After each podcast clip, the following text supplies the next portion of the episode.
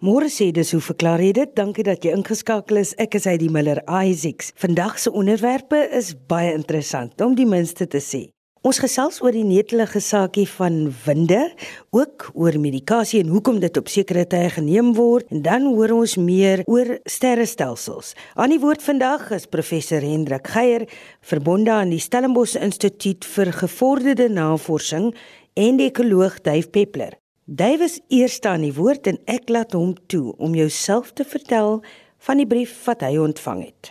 Goeiedag, Heidi, my kollegas en luisteraars, gegroet uit my studeerkamer in Stellenbosch in Perkin uitsending. Ek het 'n e-pos ontvang van Patrick D. Leeuwshoot van Robertson, my geboortedorp, en dis 'n redelike lang vraag. Ek gaan dit trapsgewys aanpak. Sy eerste vraag is: Waarom word sekere medikasies, het sy in pilvorm, kapsules en medisyne, voor ete geneem, na ete, saam met ete, eenmaal soggens of 3 keer per dag ingeneem? Hy vra: Is dit so dat mens nooit medikasie soggens op 'n leë maag moet inneem nie? Indien waar, hoekom dan so? En waarom moet medikasie soms slegs soggens of slegs met slapendstyd ingeneem word? Sy tweede vraag wat aflei van die eerste is hoe weet in aanhalingstekens die aktiewe bestanddeel byvoorbeeld 'n hoofpynpil of 'n smeermiddel om direk na die spesifieke area in die seerkop of na die seer spierweefsel in die liggaam te gaan. En dan 'n derde vraag en ehm um, ek gaan eers die vraag lees en dan die verdediging van my woordgebruik kom knap daarna. Ek wil eintlik maar net hy die buffer teen plat taalgebruik misbruik en hier is Patrick se vraag. Hy sê 'n poeperige vraag. Waarom poep 'n mens? En is my aanname reg of verkeerd as ek beweer dat poep 'n wind uit die ingewande is? Dan vra hy wat veroorsaak die winde? Waar in die ingewande ontstaan die gasse en winde? Waarom ruik dit so sleg? Watter kombinasie van gasse indien enige is teenwoordig in die stinkreuk is die gasse ontvlambaar en dan vra hy iets wat hipoteties en baie snaakse vraag veronderstel die gasse is ontvlambaar wat sal gebeur indien 'n proefkonyn op 'n veilige hoogte bo oor 'n oop kersvlam gaan hurk en 'n stink windjie uitlaat. Nou ja daar het ons dit Kom ons begin dan by die eerste vraag oor waarom sekere medisyne op sekere tye ingeneem word. Daar is baie streng voorskrifte. Ek moet eintlik eers net uh, baie duidelik stel dat ek nie 'n dokter of 'n fisioloog is nie, maar 'n ekoloog en ek moet nou maar met 'n bietjie nalees en eie kennis die vraag probeer beantwoord. Daar is baie duidelike instruksies by uh die uit dus van medisyne wanneer en waar nie waar nie maar wanneer dit presies geneem moet word.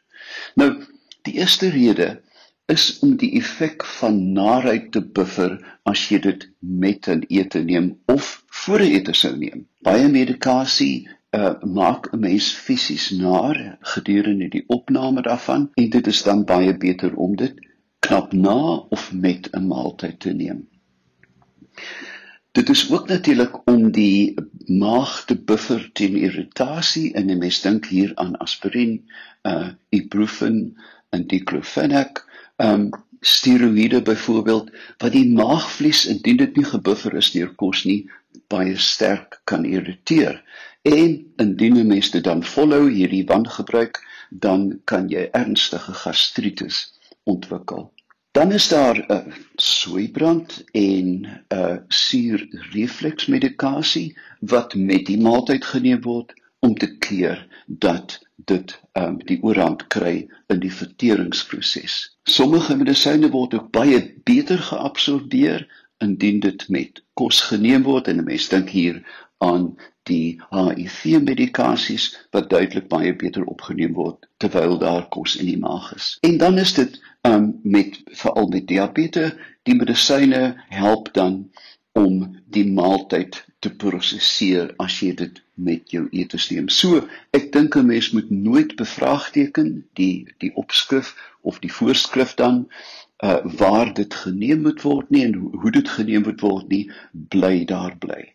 Nou die tye wat dit geneem word, die beste tyd om statins en uh vir cholesterol en bloeddrukpille en slaapmiddels neem is natuurlik ten slapendheid jy wil nie 'n slaappil in die middel van die dag drink nie.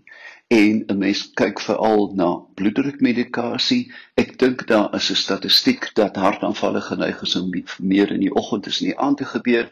En as jy dan jou medisyne in die aand neem is jy die oggend gebuffer teen hartkwale nou medisyne wat in die oggend geneem word is uh medikasie vir osteoporose, antidepressante. Hoekom? Want baie van hulle maak 'n mens vaak vir al die serotonienopname inhibitors wat deesdae baie algemeen is. Um so weer eens die uh die voorskrif by die voorskrif moet bygebly word want daar is baie spesifieke redes daarvoor. Die vraag oor hoe die medikasie weet waar die pyn is, is die antwoord baie eenvoudig. Die pil weet nie waar die pyn is nie. Ons het 'n boeiende, uh, baie lang gesprek gehad met professor Janie Hofmeyer, as ek reg onthou, by die Woordfees en die titel was Hoe weet die pil waar die pyn is? Maar die aktiewe bestanddele van die medikasie word gewoonlik geaktiveer in die teenwoordigheid van inflammasie wat die liggaamsreaksie op 'n besering is. Met ander woorde, as jy aspirien of Panado drink, is jou ganse liggaam deurtrek daarvan, maar dit aktiveer slegs waar daar 'n besering of inflammasie is. En baie ander medisyne is, is geteken om geaktiveer te word as hulle die spesifieke toestand raakloop in die liggaam. Nou ja, nou kom ons by die kwessie van winde. Ek het die etimologie woordeboek van die Afrikaanse taal gaan naslaan en poep staan duidelik daar as 'n plat Afrikaanse gebruik. Met ander woorde, dit is 'n soort van 'n nie kombuis Afrikaans nie, maar meer landelik kan mens sê. En daar staan 'n geluid wat gepaard gaan met die ontsnap van gasse uit die anus uh voortgebring en dit klink byna erger as die woord poep. Nou ja, die sinonieme is winderigheid, flatulensie, maar kom ons bly dan by die latynse wortelvorm flatus. Die oorsaak van winderigheid of flatus begin in sommige gevalle by mense wat geneig is om winde te sluk. Met ander woorde, as jy drink of eet, is jy geneig en jy kan jy kan sulke mense hoor dat die slukproses is werklik uh hoorbaar en hierdie winde moet hulle pad dan noodwendig deur die spysverteringskanaal uh vind en agteruit as flatus. Dan onvolledige vertering uh 'n mens vind dit baie by mense wat wat kronies of morbied oorgewig is. Dit is soveel eet dat daar onvolledige vertering is en dan kan hier die flatus ontstaan. Dan natuurlik soos ons al te goed weet, is daar sekere kossoorte wat jy maar mapsticks moet vermy as jy weet jy gaan um 'n lang motorrit onderneem. Moet om vadersnaam nie voor so 'n rit hardgekookte eiers, bone, lensies, uh suiwel, eie, knoffel, rape by name, radys, aardappels, artisjokke kan 'n aardskudding veroorsaak en natuurlik ook die gis van brood. En die bron van hierdie flatus is dan bakterieële fermentasie. Ons weet dat die menslike liggaam ter duisende verskillende uh mikrobes bevat nie net op die vel in die mond nie, maar reg deur die spysverteringskanaal. Dit is natuurlik ook hier waar mense 'n pluimpie moet maak vir die wat nog natuurlik geboorte skenk. Deesdae is keisersnit die gewone pad, maar met 'n normale geboorte word 'n baba pasgebore baba ook in 'n groot mate ingeënt deur die mikrofona van die ma wat dan in die geboortekanaal aan die kleintjie oorgegee word. Byna 99% en dit is letterlik waar van hierdie gasse ruik nie. Dit het geen reuk nie, dis waterstof en metaan. Metaan het so effens reuk, maar nou kom ons by die 1% wat stink en hierdie komponente van 'n stinkflatus is indole, skatole, ammonia en hulle word gewoonlik redelik laat in die proses in die koelon afgeskei. Nou 'n baie interessante feit is dat die fabelagtige reuk van 'n kykiepering bevat diep verborge onder die reuk ook 'n skatool. Volgende keer as jy by 'n kykiepering boom kom, my jong eersgebore kind het gepraat van pierenkykies, ruik diep en dan skielik omdat jy nou daarvan weet sal jy die skatool, die stink element in 'n kykiepering kan ruik. Ons kom dan finaal by die effense lawerige. Dit is nie laf nie, dit is net 'n eenvoudige hipotetiese vraag. Wat sou gebeur indien jy 'n produsent van oorvloedige flatus is as jy nou gaan hurk oor 'n kers en die wind sou loslaat? Dit sal brand en dit brand want ek praat hier van ondervinding. Nou ja, laat ons nou maar bieg. Skoolkinders is gruwels en ek onthou al te goed 'n uh, vakansie by um, Fransmans kraal waar ons jong klomp uh, dis van boontjies opgeëet het en natuurlik met die gepaardgaande ontploffings en toe 'n eksperiment laat nag aangehelp deur 'n paar glase wyn probeer het om te kyk of hierdie vlates brand Ek kan jou verseker die eksperimentele proefkonyn het 'n vlam van seker 20-30 cm losgelaat met die gehoor uh, in diep skok en skroei reuke reg deur die vertrek. So dit werk, maar ek sal dit nie voorstel nie. Uh los dit vir professionele vlamgooiers en moet dit liefs nie by die huis doen nie. So, Ehm um, Patrick, ek hoop dat ek uh, tussen die slagysters van taal gebruik, ehm um, jou vraag daarom kon beantwoord. Daar het jy dit. En ek lees 'n brief aan jou voor wat gerig is aan Hendrik Geier. Dit kom van Martin Venter. Ek hoop ek spreek sy naam korrek uit. Dit is 'n bietjie van 'n anderste spelling. Sy brief lees volg: Volgens Google is daar nou meer as 2 miljoen miljoen melkwegstelsels in die verkenbare ruimte, elk met gemiddeld 100 000 miljoen sterre. As jy hulle sou wou tel, sal dit jou meer as 6 000 miljoen jaar vat. As jy dit teen 'n tempo van 1 miljoen sterre per sekonde sou tel. Dis ook waar dat ons nie binne 50 000 jaar na die naaste ster sal kan reis nie. Die probleem is dat kinders nou in die lewenswetenskap klas geleer word dat God nie bestaan nie. Dit klink net 'n bietjie belaglik dat wetenskaplikes met sulke uitsprake kan kom terwyl ons nog vir 3 maande op Mars vasval wanneer 'n boor nie kan werk nie. Ons kinders word verwar deur sulke uitsprake. Oor na Hendrik Geier. Goeiemiddag Heidi, dag sê luisteraars. Ek gee graag aandag aan die skrywe van Martin Venter soos uh, wat hy dit nou vir ons voorgehou het. Uh ek moet sê dit klink vir my of Martin eh, 'n uh, beswaarde man is en ek wil nie dit wat hy aan die orde stel uh ligtelik afmaak of ligtelik hanteer nie. Maar miskien moet 'n mens tog die ysbreuke net uh so op 'n ligter trant begin deurdat ek 'n uh, staaltjie voorhou wat vertel word oor die befaamde kwantumfisikus Paul Dirac. Nou Dirac was die man wat in 1928 'n vergelyking neergeskryf het om die elektron te beskryf.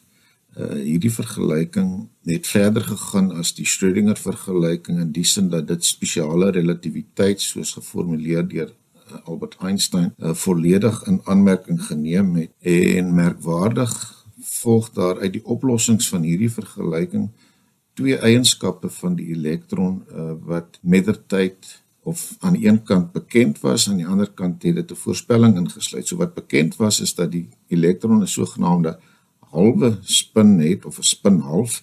Uh tevore was hierdie inligting empiries bekend, maar dit is een van die gevolge van die oplossing van die Dirac vergelyking dat 'n mens onteenseglik kon bewys dat die spinne half moet wees.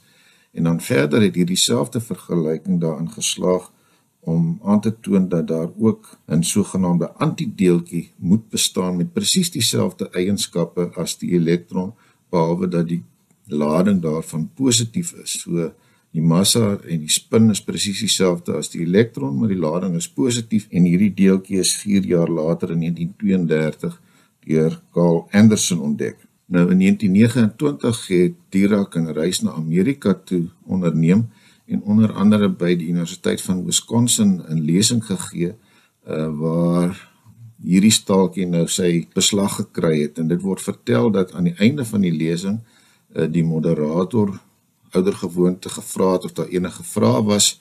Uh een persoon sê toe uh ek verstaan nie die vergelyking regs bo in die hoek op die swartbord nie en die algemene verwagting was natuurlik dat die rak hierop sou reageer maar hy swyg toe soos die graf uh, lyk eintlik redelik ongesteurd en met 'n tyd begin die gehoor nou 'n bietjie ongemaklik rondskuif. Uh, die moderator voel hom uiteindelik verplig om tog vir die rak aan te por om uh, te reageer op die vraag waarop hy dan sê uh, dit was nie 'n vraag nie dit was bloot 'n stelling.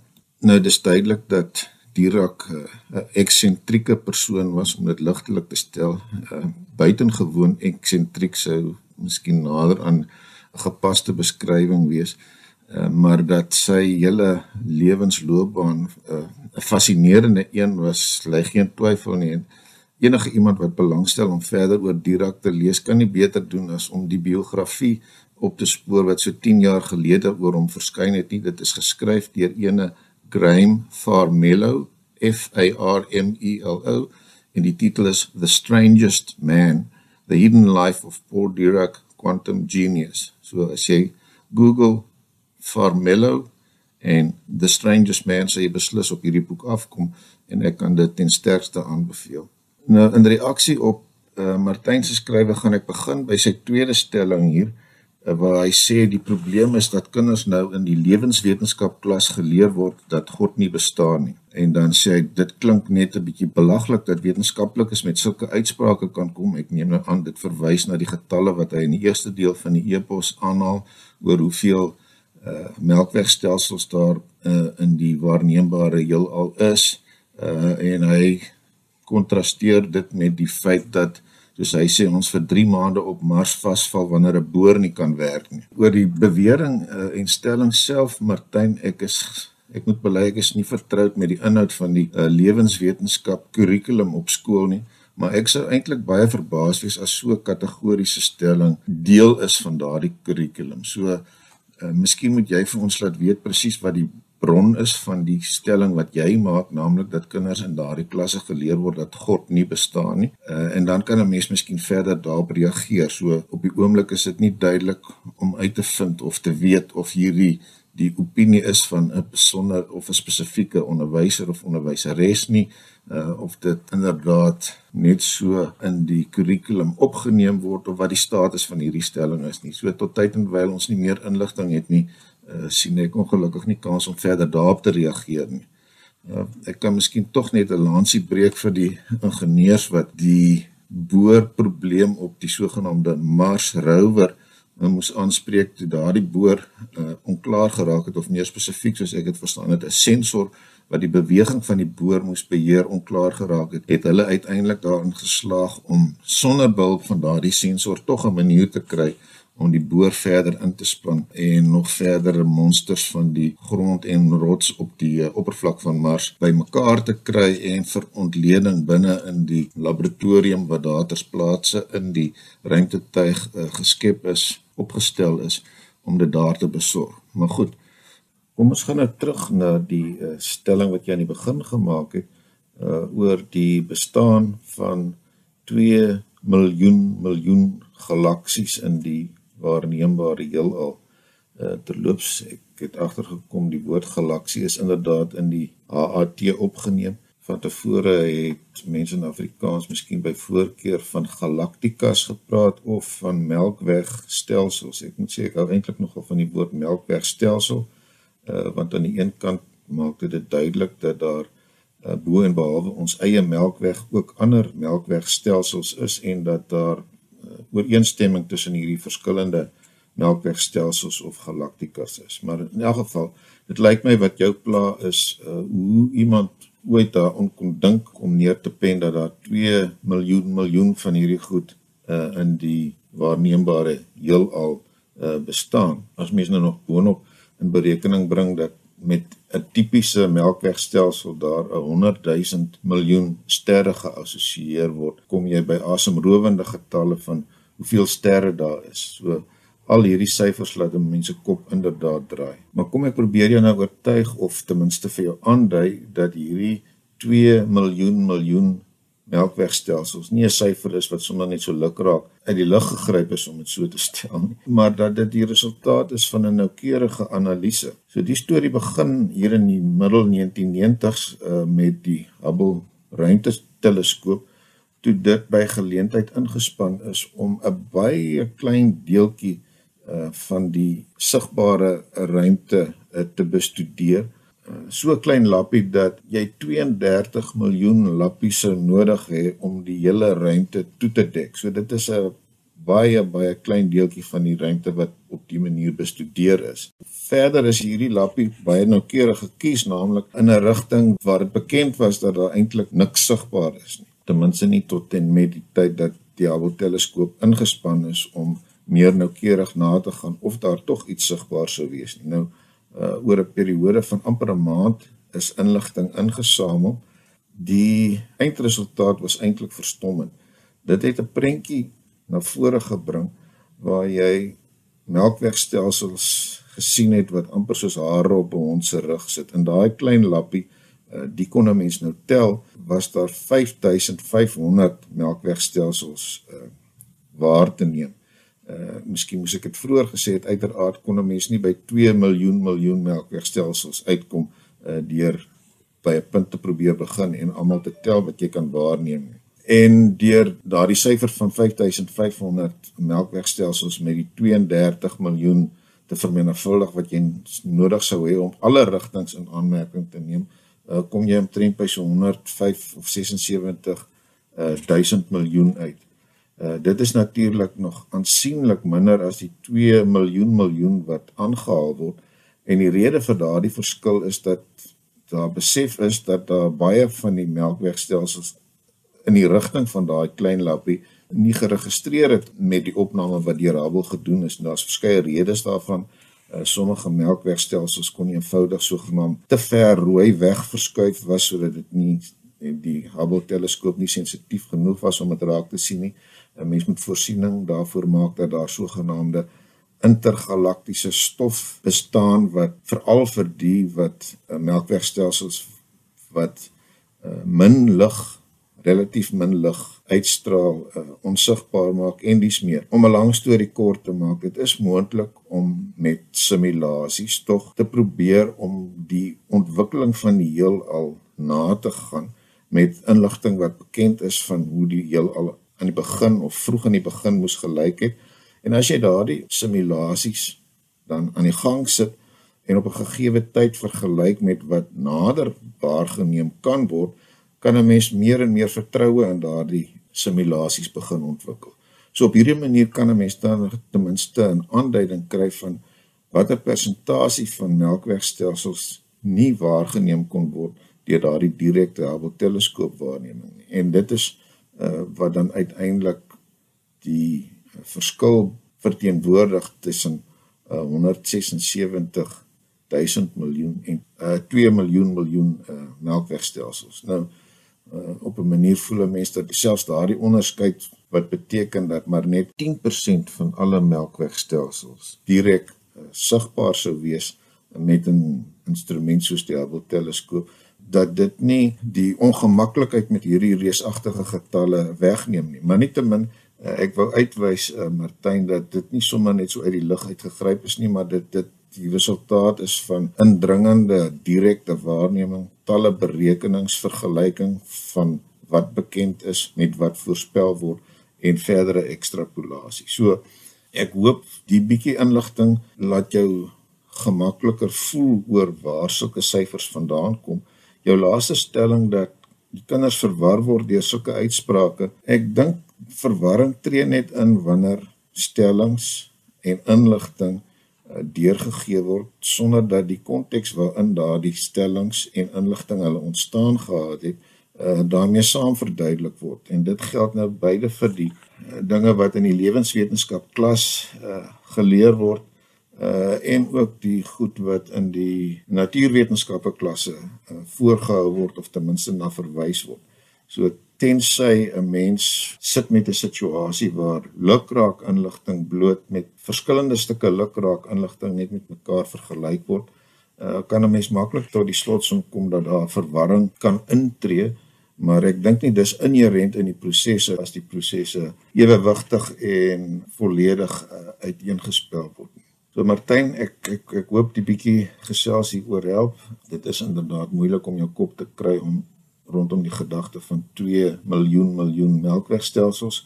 Uh maar dit dink ek is redelike betroubare inligting en ek hoor graag van jou of daar uh, meer spesifieke konteks was waarin die stelling oor wat in die lewenswetenskap klas geleer word uh, na vore getree het. Baie dankie aan vandag se kenners, professor Hendrik Geier en ook Dave Peppler. Aanstaande week taak hulle vras 'n leser se vraag en die wou weet of voelnessop regtig van voelneste gemaak word. Daai verklaring behoort heel interessant te wees. Nou ja, dan gesels ons aanstaande week verder. Lekker dag vir jou.